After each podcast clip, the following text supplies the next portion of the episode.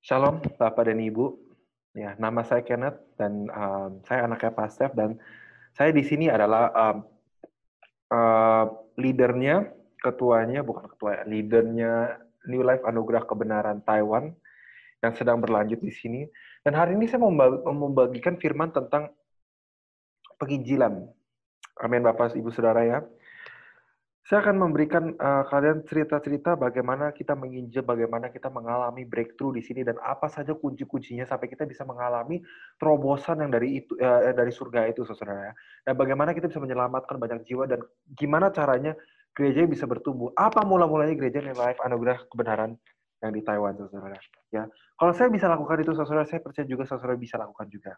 Amin, saudara. Tapi malam ini saya mau membagikan saudara ya um, kunci-kuncinya apa itu yang uh, saya saya pelajari selama setahun ini ya yang saya terapkan di uh, gereja saya yang membuat gereja saya bertumbuh dan bisa menjangkau jiwa-jiwanya ini ya. Tapi sebelum mulai saudara ya, saya pengen menanyakan ini kepada saudara ya. Uh, apa yang saudara pikirkan waktu saya mengatakan kata-kata penginjilan ya? Apa hal pertama yang keluar di pikiran Anda? Apa itu? Apa itu penginjilan? Kira-kira. Ya. Buat satu orang, itu adalah sebuah pindahan agama dari A ke B. Ya. Buat orang, buat orang lain, itu juga bisa uh, menyelamatkan orang lain atau uh, um, membawa mereka dari uh, membawa mereka dari tidak percaya Tuhan menjadi percaya Tuhan. Atau enggak kayak mengenalkan mereka kepada Yesus. Oke, saudara. Jadi banyak orang bayangannya soal penginjilan itu beda-beda dan banyak-banyak. Dan saya sebelum saya membaca Alkitab dan sebelum saya menerapkan ini dalam hidupnya saya, saya sendiri pun juga punya pengertian saya sendiri dan um, uh, definisi saya sendiri tentang penginjilan itu sebenarnya apa, saudara. Ya. Lalu yang lebih uh, tepat lagi, saudara, yang lebih um, pressing issue, yang lebih apa ya, banyak orang beda-beda ya uh, um, uh, mot, uh, bukan motivasi, opininya mereka ya saudara, adalah tentang penginjilan, bagaimana itu harus dijalankan, saudara. Dan banyak orang itu punya banyak ide soal penginjilan, caranya beda-beda, saudara. Ya, dan mereka punya um, cara yang berbeda, definisi yang beda, ya saudara. Tapi anehnya, saudara, yang saya menemukan itu tidak banyak orang mengambil caranya Alkitab dan tidak mengambil kuncinya dari Alkitab. Ya, saudara ya. Dan saya menyadari uh, di Alkitab itu tidak dengan uh, uh, spesifik. Dia menyatakan penginjilan itu harus duduk di depan meja, ya, atau harus di depan banyak orang, harus kasih bawa papan gitu, percaya Yesus, ya, dunia akan berakhir atau apa gitu, saudara ya. Tapi Alkitab tidak menyatakan itu dengan um, spesifik. Apa yang harus kita lakukan dalam penginjilan. Tapi Alkitab memberikan kita sebuah kunci, saudara di setiap penginjilan yang seharusnya kita selalu ada. Amin, saudara ya. Mari kita buka di 1 Korintus 1 ayat 18. 1 Korintus 1 ayat 18. Kalau sudah buka, saya baca 1, 2, 3. Sebab pemberitaan tentang kesalib memang adalah kebodohan bagi mereka yang akan binasa. Tetapi bagi kita yang diselamatkan, pemberitaan itu adalah kekuatan Allah. Bahasa Inggrisnya, saudara. Aku suka bahasa Inggrisnya. For the preaching of the cross is to them that perish foolishness, kebodohan. But unto us which are saved, it is the power of God. Kontras sekali, saudara. Jadi apa, apa, yang kita mengatakan? Alkitab mengatakan ini, saudara, ya, bahwa firman Tuhan, ya, uh, uh, uh, ke, uh, firman Tuhan, pemberitaan tentang firman Tuhan kepada orang yang belum diselamatkan itu adalah sebuah kebodohan. Tetapi kepada kita orang Kristen yang sudah percaya kepada Tuhan, itu adalah sebuah kuasa, saudara. Ya, saudara katakan kuasa bersama-sama dengan saya. Kuasa. Amin, saudara. Kuasa. Amin, saudara ya. Yang kita baca di Alkitab itu, saudara, itu adalah kuasa, saudara. Dan seharusnya kita baca di Alkitab hidupnya setiap harinya Yesus, hidup setiap harinya Paulus, seharusnya kita uh, uh, experience itu setiap hari, saudara. Uh, uh, uh, apa ya? Hidupnya penuh dengan kuasa, saudara penuh dengan breakthrough, penuh dengan mujizat, saudara. Itu yang Alkitab mengatakan kepada kita, saudara. Amin. Ya. Tapi lalu sudah lama banget, saudara. Saya memikirkan ini, oke. Okay? Saya sering baca sekali ayat ini, saudara. Karena tertulis uh, sebab pemberitaan tentang salib memang adalah kebodohan bagi mereka yang binasa, tetapi bagi kita yang diselamatkan kuasa, kekuatan Tuhan. Ya. Saya sudah nanya ini udah lumayan lama, saudara kepada diri saya sendiri. Loh, kalau kuasa, kalau gitu kenapa hidupnya saya biasa-biasa saja? Ya, dan saya yakin banyak orang Kristen juga pasti nanya ini. Alkitab bilang kuasa, tapi kenapa hidup saya penuh dengan masalah? Ya enggak? Kenapa saya bangun pagi-pagi mama saya marah-marah sama saya, uh saya marah lagi. Ya, saya mengalami, uh, saya menjalani hidup dengan uh, hidup yang sama gitu loh. Tiap hari bangun, kayaknya saya tahu Tuhan itu nyata. Saya tahu Tuhan itu benar-benar ada di hidupnya saya. Kalian pernah, mungkin saudara-saudara pernah mengalami yang namanya Tuhan. Oke. Dan kalian tahu Tuhan itu nyata. Dan kalian mengalami banyak mujizat. Namun, kenapa kuasa ini sepertinya itu tidak ada, saudara? Kenapa kuasa ini sebenarnya kayak, kenapa nggak ada gitu ya? Dan kita lagi ngomong ini spesifik ke dalam uh, penginjilan, saudara. Ya. Dan di sini bilang penginjilan bagi orang yang belum terima Tuhan adalah kebodohan. Dan bagi kita adalah kuasa. Ya saudara-saudara ya. Waktu saya pertama kali penginjilin orang, saudara, saya coba berdebat kepada mereka. Saya berdebat kepada mereka, kenapa Tuhan itu benar, kenapa Tuhan itu yang benar. Ya. Saya ingat waktu saya masih kecil, saudara, waktu saya masih SMA, saudara, saya, saya di kelas debatnya saya, dan gurunya saya, guru debatnya saya sedang mendebatkan tentang Big Bang Theory, ya teori di mana dunia uh, mula-mulanya sedang diciptakan, saudara. Dan di debat itu kita dibagi dua tim, ya. Satu tim bilang uh, Yesus Tuhan Tuhan Allah Bapa membuat dunia dari Big Bang, Ya, satu timnya lagi bilang Tuhan Allah Bapa membuat dunia bukan lewat Big Bang. Saudara ngerti ya? Dan ini kita sedang berdebat, saudara. Dan kita berdebat, saudara. Dan saya saya, saya mengakui, saudara ya, dua-dua posisi, saudara ya. Kita debatnya tuh main tajam, main um, uh, uh, agresif. Ya, poin-poinnya kita memberi itu memang tajam. Ya, dan akhirnya kita sendiri jadi bingung. Ya, karena kita masih kecil, saudara. Ya, jadi akhirnya kita bingung, saudara. Kita kita heran kenapa bisa begini ya. Maksudnya yang uh, musuh, yang orang sebelah sana ngomong tuh juga benar. Tapi yang saya debatkan tuh juga benar. Akhirnya kita bingung, saudara. Jadi Big Bang itu sebenarnya dibuat dicipt, uh, Tuhan menciptakan, menciptakan dunia lewat Big Bang atau bukan? Oke, okay, saudara. Pada akhirnya, saudara, ya eh, setelah selesai kelas, ya debatnya selesai, Kemudian saya tanya kepada gurunya saya. Ya. Saya tanya kepada gurunya saya, ya Pak, debatnya sudah selesai Pak. Jadi akhirnya siapa yang menang dan siapa yang benar? Ya, itu pasti kita mau tahu. Siapa yang benar, siapa yang menang. Ya. Dan saya shock, saudara, waktu guru saya bilang gini, oh, nggak ada yang benar. Dan nggak ada yang menang. Itulah debat. Dia bilang, it's up to you. It's up to you to decide apa kebenaran itu. Itu terserah kepada engkau. Kata guru saya, Ya, kebenaran itu artinya apa? Dan saya kaget, saudara, karena dia juga Kristen dan dia sudah terima Tuhan. Ya, tapi itu adalah sesuatu yang bahaya sekali, saudara.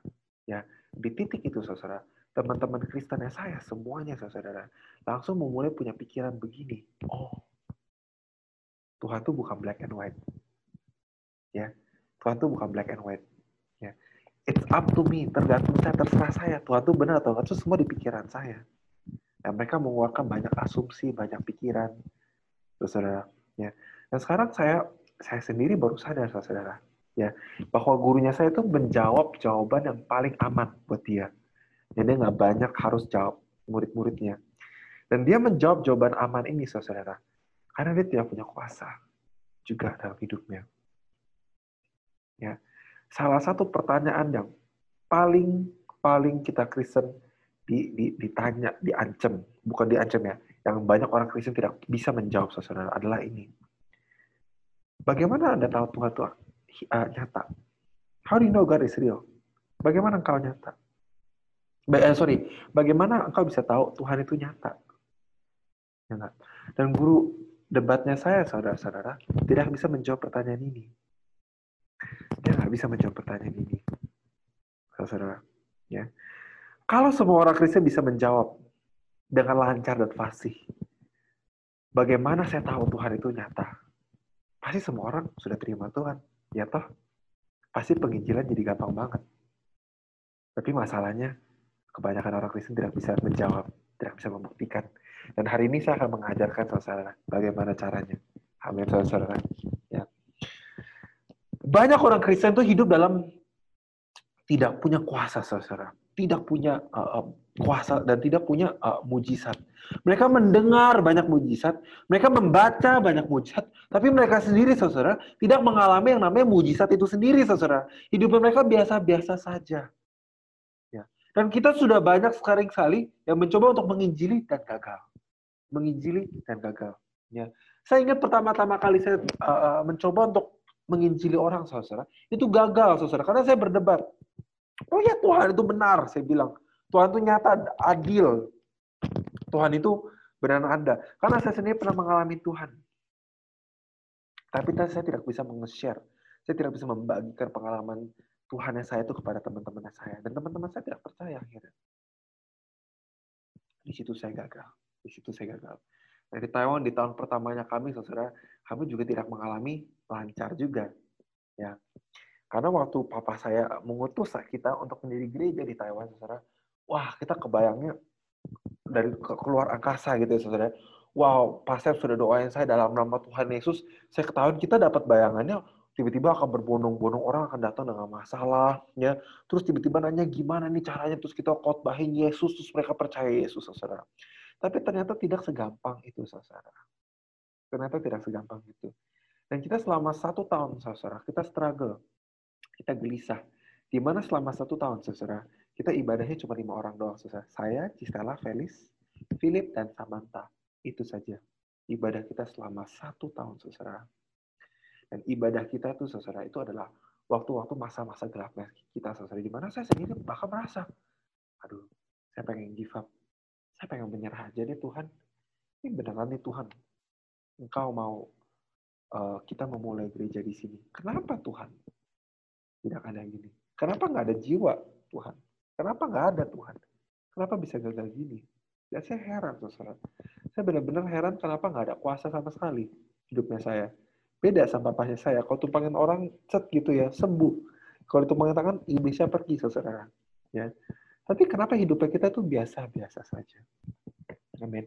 Dan saya, dan paling yang paling masalah buat saya saudara adalah suatu saya menginjil kepada orang saudara nggak mempan orangnya nggak terima Tuhan dan saya bingung kenapa saudara kelihatannya kayak gampang banget gitu tapi saya tapi saya sendiri gagal kenapa bisa begitu Tuhan ya mari kita buka di 1 Korintus 2 ya dan ini rahasianya saudara kenapa orang banyak orang Kristen itu gagal Amin. Ya.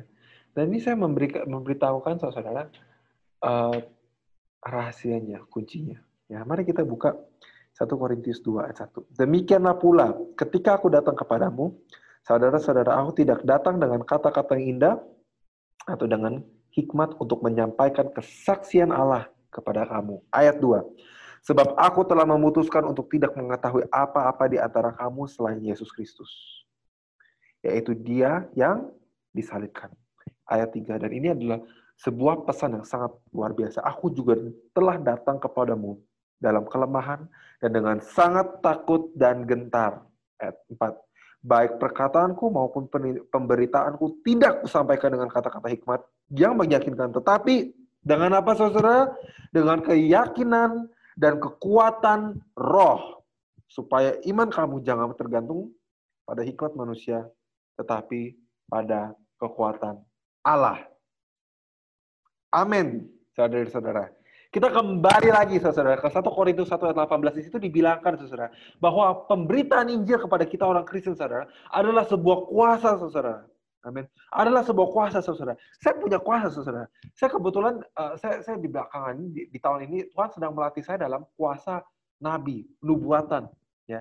Tapi suatu saya uh, menumpangkan tangan saya uh, kepada orang yang sakit atau orang yang punya iblis, iblis itu pergi, sakit itu pergi. Amin, saudara-saudara ya. Luar biasa, saudara. Luar biasa ya, saudara-saudara ya. Pertanyaan saya adalah ini, saudara. Ya, apakah kekuatannya, saudara? Apakah kekuatannya, saudara? Ya, saya punya kekuatan. Kalau saudara sebagai orang Kristen, kan di Alkitab jelas-jelas ngomong kepada setiap orang yang diselamatkan. Injil itu adalah kuasa. Ya. Kalau saudara tidak punya kuasa, nanti saya kasih kenapa. Oke, tapi saya saya ngomong ke saudara ya, hidup penuh dengan mujizat, hidup yang dipimpin oleh Roh, itu adalah hidup yang normal yang seharusnya kita menjalankan sebagai orang Kristen. Amin. Ya. Hidup yang penuh mujizat, hidup yang penuh kuasa, saudara. Itu yang seharusnya kita mengalami setiap hidupnya kita, saudara.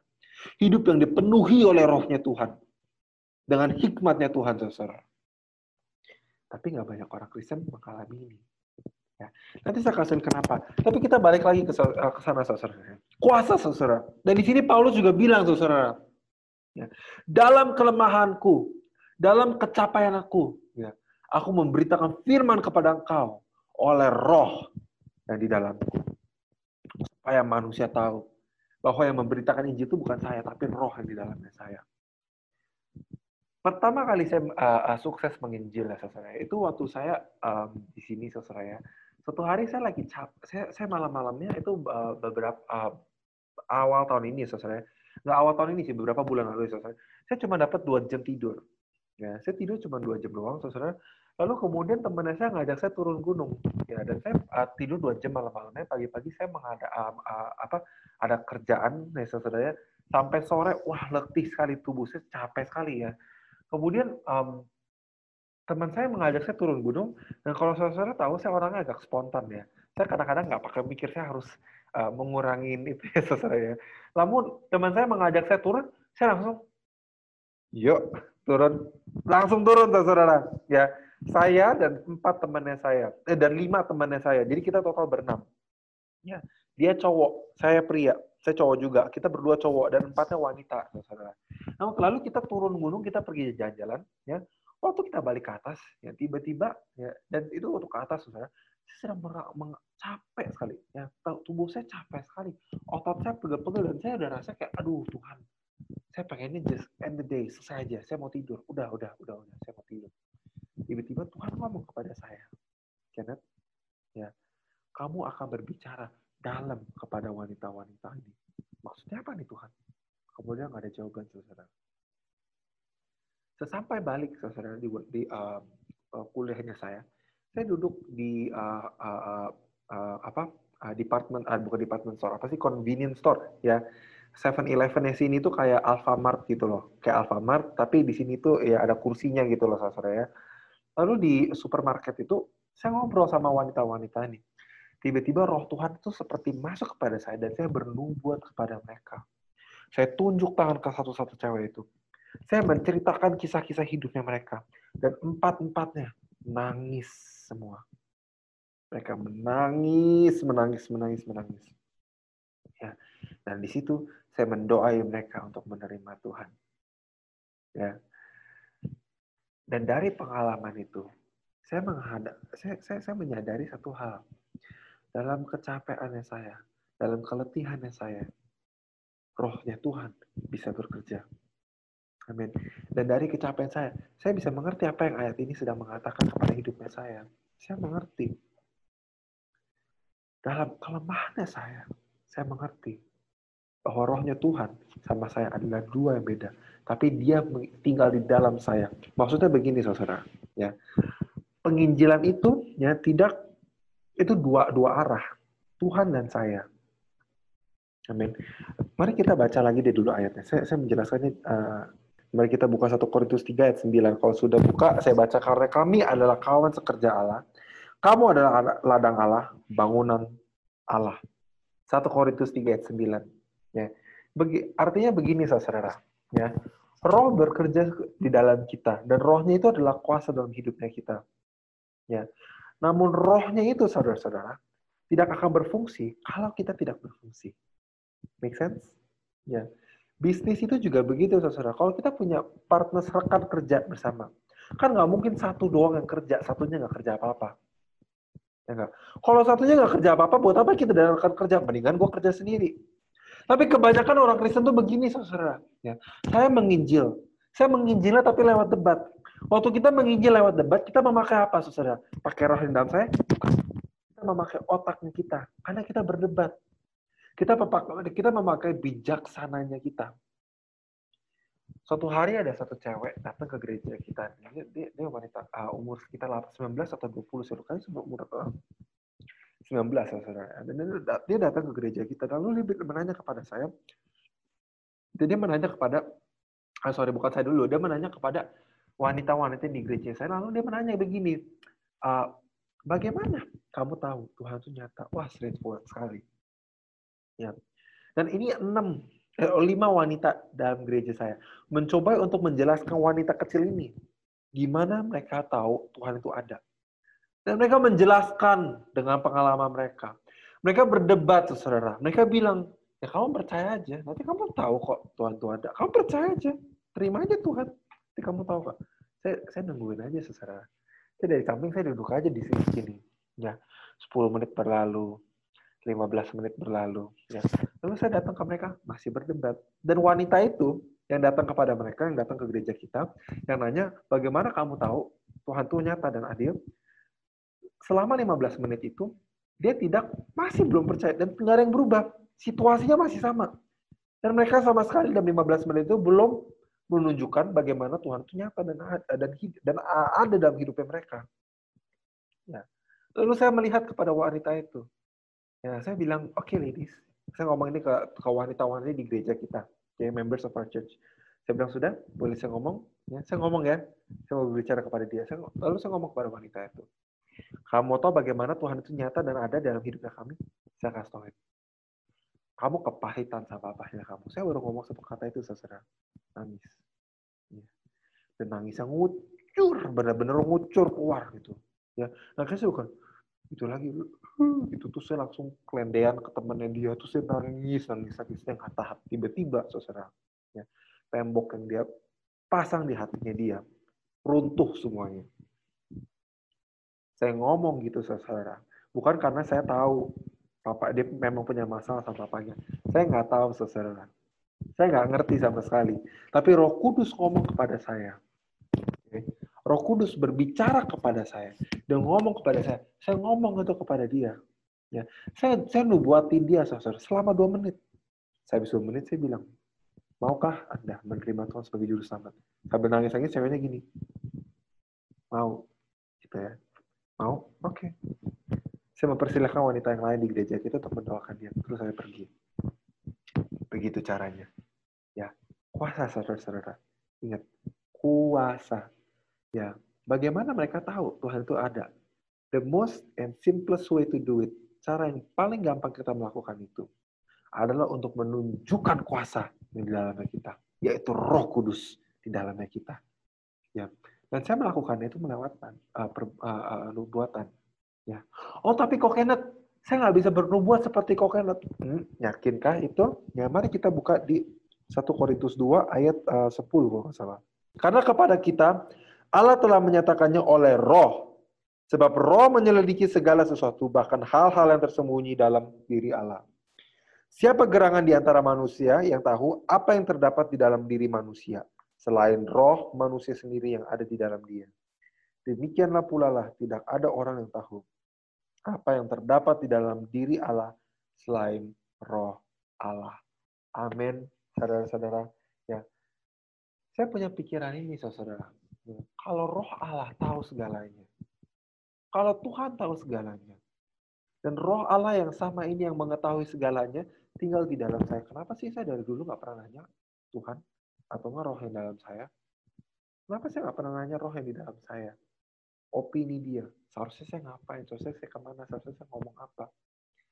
Mulai sekarang saya akan lakukan itu. Dan itu yang saya lakukan. Saya bernubuat bagi mereka. Words of knowledge. Kata-kata pengetahuan saya bernubuat kepada mereka dan saya menyatakan kepada mereka bahwa roh yang saya bernubuat itu bukanlah dari pikiran saya sendiri, tapi tetapi tetapi dari Tuhan. Dan dari situlah orang-orang mulai tahu Tuhan itu ada. Dan dari situlah saudara-saudara kuncinya. Bagaimana mereka bisa menerima Tuhan. Ya, That's my power. Itulah kekuatan saya. Apa kekuatan saudara-saudara? What is kuasa eh, kuasa kuasanya saudara? Nah, dan setiap dari kita kuasanya berbeda-beda, tidak sama. Setiap orang tuh kuasanya beda-beda, saudara. Ya, uh, di satu Korintus uh, uh, satu Korintus eh dua Korintus eh satu Korintus 12 ayat 2 ya, saya lupa yang satu tubuh dalam Kristus. Kita semua punya banyak karunia dalam roh, tapi satu roh. Yang itu, saudara. Ya, coba saudara cari di Alkitab. Ya, kita semua punya kuasa. Amin. Ya. Jadi semua orang Kristen itu seharusnya punya kuasa. Dan dari kuasa ini seharusnya kita tuh menjadi sebuah testimoni, sebuah uh, kesaksian bagi orang-orang yang belum terima Tuhan. Tapi sayangnya saudara, tidak semua orang Kristen punya kuasa ini. Dan tidak semua orang Kristen bisa hidup dalam ini. Kenapa bisa begitu? Ya, kenapa saya nggak punya kuasa hidupnya? Saya uh, kasih saudara buka di Ibrani 5 ayat 14. Tetapi makanan keras adalah untuk orang-orang dewasa yang karena mempunyai panca indera yang yang apa? Yang terlatih untuk membedakan yang baik daripada yang jahat. Panca indera yang terlatih, saudara-saudara. Yang apa? Yang terlatih. It's very fun ya, lucu ya saudara. Yang Alkitab bilang itu orang yang dewasa itu yang panca inderanya terlatih. Saudara, kata-kata terlatih itu mengyang-nyang di kepala saya. Saya kaget, uh, Alkitab bilang dewasa itu adalah dengan apa, saudara? Terlatih. Bukan ke gereja. Bukan ke sel. Bukan punya jabatan di gereja juga, saudara. Itu belum meyakinkan saudara akan bertumbuh. Ya, tapi yang terlatih. Ya, bahasa Inggrisnya praktis. Praktis itu apa? praktek, praktek dan diulang-ulangin. Amin dah saudara. Saudara begini loh, ya. Kekristenan itu bukanlah sebuah teori. Kekristenan itu bukanlah sebuah teologi. Kalau semua yang saya khotbahkan itu ya, atau enggak pastor mau khotbahkan, pendeta mana pun saudara boleh datang ya. Nabi mau sekuat seluar biasa apa pun, seajaib apa pun ya. Saudara mengalami uh, mendapatin sebuah uh, pewahyuan yang luar biasa apa apa pun ya. Tetapi kalau saudara-saudara tidak praktek, itu akan menjadi mati. Dan kalau saudara-saudara tidak praktek, saudara-saudara tidak bertumbuh. Ke gereja tidak menjaminkan saudara bertumbuh. Ke gym tidak menjaminkan saudara bertambah otot tapi mengangkat barbel dan melatih otot saudara, itu yang menjaminkan saudara bertambah kuat dan bertambah otot. Bukanlah gymnya. Ke gereja saudara, tapi harus berfungsi. Amin. Kesel boleh saudara, tapi harus berfungsi. Dan, da dan dari hal-hal yang kita dengar di sel, yang kita mendengar dari gereja, saudara, itu harus kita latih setiap hari dalam hidupnya kita. Dan itu benar, saudara. Ya. Walaupun saya khotbah gini, saudara, ya penginjilan itu tidak akan langsung masuk ke dalam saudara, langsung begitu saja. Tidak sehabis kalian dengerin saudara, uh, khotbahnya saya ini. Tidak berarti besok kalian ke keluar ke jalanan ke mana, nginjilin ke orang pertama, terus orang itu langsung percaya Tuhan. Enggak. Enggak bisa begitu. Saya sendiri juga nggak selancar itu. Saya latih terus dan menerus. Saya gagal terus dan menerus. Berkali-kali bahkan beratus-ratusan saudara, nggak sampai ratus-ratusan ya, tapi sampai angka seratus ada. Saya gagal, saya malu saudara, malu sekali. Tapi dalam kemaluan itu, saya nggak mau menyerah. Saya coba lagi orang kedua, saya evaluasi, oke salahnya di mana nih? Apa yang harus saya berubah? Saya harus ganti ini. Oke, saya coba kali ini. Dan saya dan saya uh, dan saya sadar ya bahwa penginjilan lewat debat adalah penginjilan yang sangat lemah. Ya. Karena kuasa Tuhan itu adalah kuasa yang bukan dari dunia ini. Kenapa kita nggak pakai kuasa itu? Kenapa kita harus pakai kuasa dalam sinya kita? Kenapa kita harus memakai sesuatu yang dari dunia ini? Kenapa kita nggak memberikan mereka langsung melihat kuasanya Tuhan di dalamnya kita? Tapi karena kita tidak terlatih. Karena saudara nggak pernah melatih nubuatan yang saudara. Karena kita tidak pernah melatih untuk menginjil orang. Kita nggak pernah melatih untuk mendoakan orang-orang sakit. Kita nggak pernah melatih mengusir setan. Karena kuasa Tuhan tidak ada dalam kita. Makanya kuasanya itu ada. Tapi kuasa itu ada kecil sekali dalam kita. Karena nggak kelatih. Karena kami tidak melatih. Dan kita tidak tahu dewasa. Itu poin pertama. Apa poin kedua? Kita balik lagi ke dalam 1 Korintus 3 ayat 1. Ya. Dan aku saudara-saudara pada waktu itu tidak dapat berbicara dengan kamu seperti dengan manusia rohani. Tetapi hanya dengan manusia duniawi yang belum dewasa dalam Kristus. Susulah yang kuberikan kepadamu, bukanlah makan keras. Sebab kamu belum dapat menerimanya. Dan sekarang pun kamu belum dapat menerimanya. Karena kamu masih manusia duniawi, sebab jika di antara kamu ada iri hati dan perselisihan, bukankah hal itu menunjukkan bahwa kamu manusia duniawi dan bahwa kamu hidup secara manusiawi? Kita berhenti sampai sana. Ya, ih gila, ya. Uh, misalnya ya, si Grace atau enggak Justin. Grace, Grace tahu nggak Grace? Saya ngegosip nih sama si Grace. Ya. Bayangkan saya Grace sama Justin dalam satu gereja dan kita bukan kakak adik ya bayangkan kita satu jemaat aja dalam satu gereja. Lalu saya ngegosip ke adik ceweknya saya Grace Grace tahu nggak jemaat kita nih? Si Justin kemarin tambah berat badan satu kilo dalam satu minggu. Wah gila ya. Terus kita ngegosip. Si Justin beli tas Gucci tiga biji. Wah parah parah parah ya. Terus ke Justin kita ngegosip Justin si Grace ya kemarin ya. Dia itu uh, apa ya dia itu pacaran sama si A ya. Kemudian dia beli mobil A wah gimana? Ya. Dan sebenarnya nggak usah nunjuk-nunjuk tangan ya. Kita kita ke sini nggak mau nunjuk-nunjuk eh, kamu yang gitu ya itu tuh kamu tuh kayak begitu ya. Bukan begitu. Ya. Tapi banyak banget kita orang Kristen ya masih suka iri masih suka marah marah. Suka ngegosip. Ya tahu nggak si Kenneth kemarin ngebohongin ini loh si Kenneth tuh pelit gitu Kenneth itu kenapa sih orang nggak sombong gitu ya? Dan kita suka gitu saudara dan apa yang kita mengatakan? Itu adalah bayi rohani. Bayi rohani sama sekali tidak punya kuasa. Hidupnya kita sama saja kayak orang dunia. Nggak ada bedanya. Bagaimana Tuhan bisa memakai kita dalam kondisi seperti itu? bagaimana kalian bisa mengalami bisa uh, bisa mengharap hidup kita akan mengalami sebuah uh, breakthrough sebuah uh, uh, mujizat kalau hidupnya kita sama aja ke orang dunia. Nggak bedanya. Kalau kayak begitu mah caranya ya kita masuk ke surga. Tapi hidupnya kita di sini aku menjaminkan saudara. Tidak ada yang namanya mujizat. Sama aja ke orang dunia. Ada bedanya.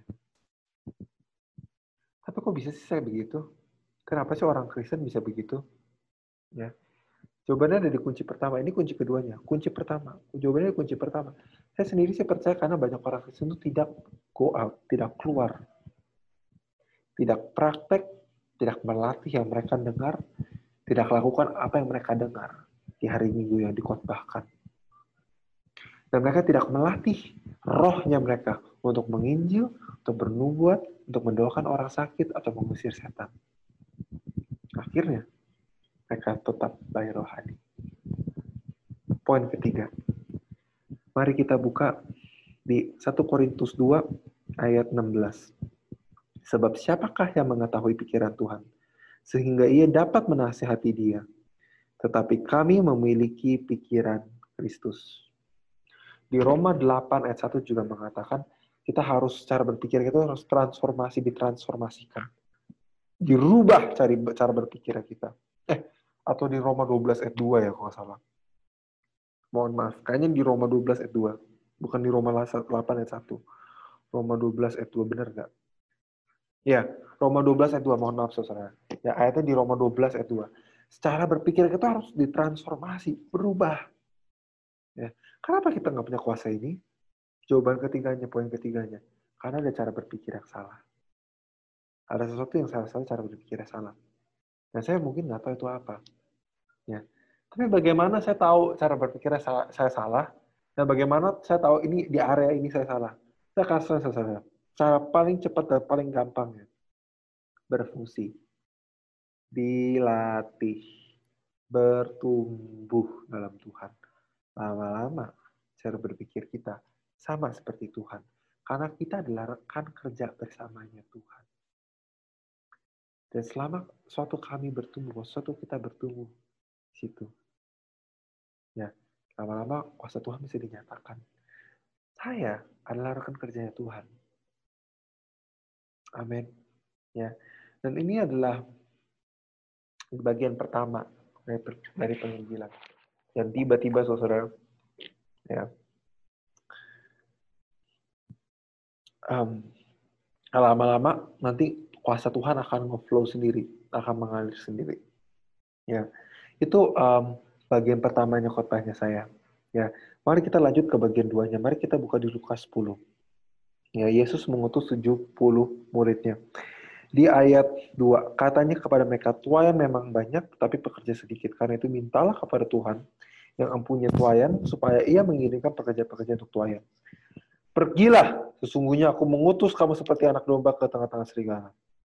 Di ayat 5, kalau kamu memasuki suatu rumah, nah katakanlah lebih dahulu, damai sejahtera lah bagi rumah ini. Dan jikalau di situ ada orang yang layak menerima damai sejahtera, maka salam itu ketinggalan di atas. Tapi jika tidak, salammu apa akan kembali kepadamu. Tinggallah dalam rumah itu, makan dan minumlah apa yang diberikan ke orang kepadamu, sebab seorang pekerja patut mendapat upahnya, janganlah berpindah-pindah rumah. Ya, dan jikalau kamu masuk ke dalam kota dan supaya diterima dan kamu diterima di situ, makanlah apa yang dihidangkan kepadamu. Oke. Jadi bagaimana caranya saya bisa mulai? Ya, Bagaimana cara saya bisa mulai? Caranya begini. Ya. Di ayat ini mengatakan caranya. Ya. Siapa di antara uh, kita semua sini yang punya teman yang belum terima Tuhan? Oh, saya punya. Saya punya banyak banget. Ya, saya punya banyak teman yang belum terima Tuhan. Ya. Cari teman itu. Ngobrol sama dia. Coba dilatih. Ngobrol. Kalau dia terbuka, itu pintu terbuka. Pasti Tuhan sudah membuka pintu buat penginjilan bagi kita. Tapi biasanya orang Kristen belum ketemu itu. Carilah itu. Doa kepada Tuhan. Tanya Tuhan, Tuhan, di manakah pintu yang kau membukakan bagi saya supaya Injil dan firman kau bisa masuk kepada teman-temanku. Ya. Kalau kamu dapat satu teman, itu seperti domino. Kalau mau ngebuka satu pintu, pintu selanjutnya akan terbuka juga. Kalau pintu itu tertutup gimana? Biarin, tinggalin. Kadang-kadang orang Kristen itu ter, coba terlalu susah. Mereka coba gedor-gedor pintu, gebukin pintu, buka pintunya, buka pintunya. Tempat di mana Tuhan tidak membuka pintunya. Suatu teman yang tertutup, ya, suatu mereka tidak mau mendengarkan Injil, kita maksa terus. Oh, saya pengen menginjilin teman saya si si Felicia ini nih. Felicia harus menerima Tuhan. Ya, tapi Felis tidak terbuka pintunya. Namun si Stella pintu terbuka terbuka lebar-lebar-lebar gitu ya. Lebar sekali. Namun kita bilang gini, ya pintu Stella mah terbuka. Tapi saya nggak mau masuk ke dia. Karena Felis lebih susah. Saya mau masuk ke dia. Oh Tuhan, kasih saya Felis Tuhan. Jangan kasih saya si Stella. Ya, kebanyakan orang Kristen tuh gitu. Ada pintu nih kebuka di sana. Tapi kita maunya orang di sana. Nggak mau masuk ke sini. Maunya ke sana. Ya, kalau lagi mulai penginjilan, jangan pilih-pilih Orang pertama yang kita menginjilkan itu Hanson. Kita nggak usah pilih-pilih, kita terima aja. Hanson tuh pintu pertamanya kita. Tapi dari pintu itu terbukalah banyak pintu yang lain-lain. Dan kita harus ketemu pintu itu. Kita harus cari pintu itu. Di manakah Tuhan sedang bekerja? Di manakah Tuhan sedang melawat jiwa-jiwa? Di situ kita cari pintunya. Ya. Dan, dan, ya, saudara itu harus mengharapkan, harus Jangan takut sama kegagalan. Pasti gagal. Saya meyakinkan itu pasti gagal. Pasti ada waktu di mana kita uh, merasa malu banget. Pasti ada. Gagal dan malu, aku pernah mengalami itu. Aku pernah melewati itu. Sampai depresi, stres, pernah. Ya, menginjil itu harus sampai gitu. Jangan karena depresi, stres sekali, langsung mundur tarik, putus asa langsung. Jangan pantang nyerah, ya tabrak terus, hantam terus saja sampai kita ketemu caranya. Kalau salah, diganti caranya, dirombak semua, direvisi aja. Latih terus, bangkit terus. Jangan mau jatuh, jangan mau hancur, gara-gara gagal sekali. Ya, sayang banget. Gagal sekali langsung menyerah. Jangan begitu. Bukan begitu caranya Tuhan. Amin. Ya. Dan ya pasti dalam perjalanan ini pasti ada orang-orang di mana kalau lama-lama kita menginjil ya, lama-lama pasti ada orang yang tidak seper, uh, se, sepandangan sama kita. Ya, tidak bahkan kayak mereka mengejek mengolok-olok kita, mengolok-olok kita. Itu normal sekali. Ya. Dan kita bahkan Tuhan itu tidak bisa menginjilin semua orang loh. Ya. Dan bahkan Tuhan pun bilang kalau kamu pergi tapi mereka tidak welcome kamu, tidak menerima kamu, kebaslah debunya kamu. Ya enggak? Kebaslah kubu debunya kamu. Salam kamu akan kembali kepada kamu. Jangan takut. Jangan takut orang nggak suka kamu atau orang reject kamu. Biasa itu tuh normal. Rejection is normal. Amin. Rejection is normal. Ya. Satu malam saya sedang tidur. Ya. Waktu saya tidur, tiba-tiba Tuhan mengingatkan ayat ini. Lalu saya kebangun dan saya buka di Markus 16 ayat 17. Tanda-tanda ini akan menyertai orang-orang yang percaya. Mereka akan mengusir setan-setan demi namaku. Mereka akan berbicara dengan bahasa-bahasa yang baru. Mereka akan memegang ular dan sekalipun mereka meminum racun, mereka tidak akan mendapat celaka.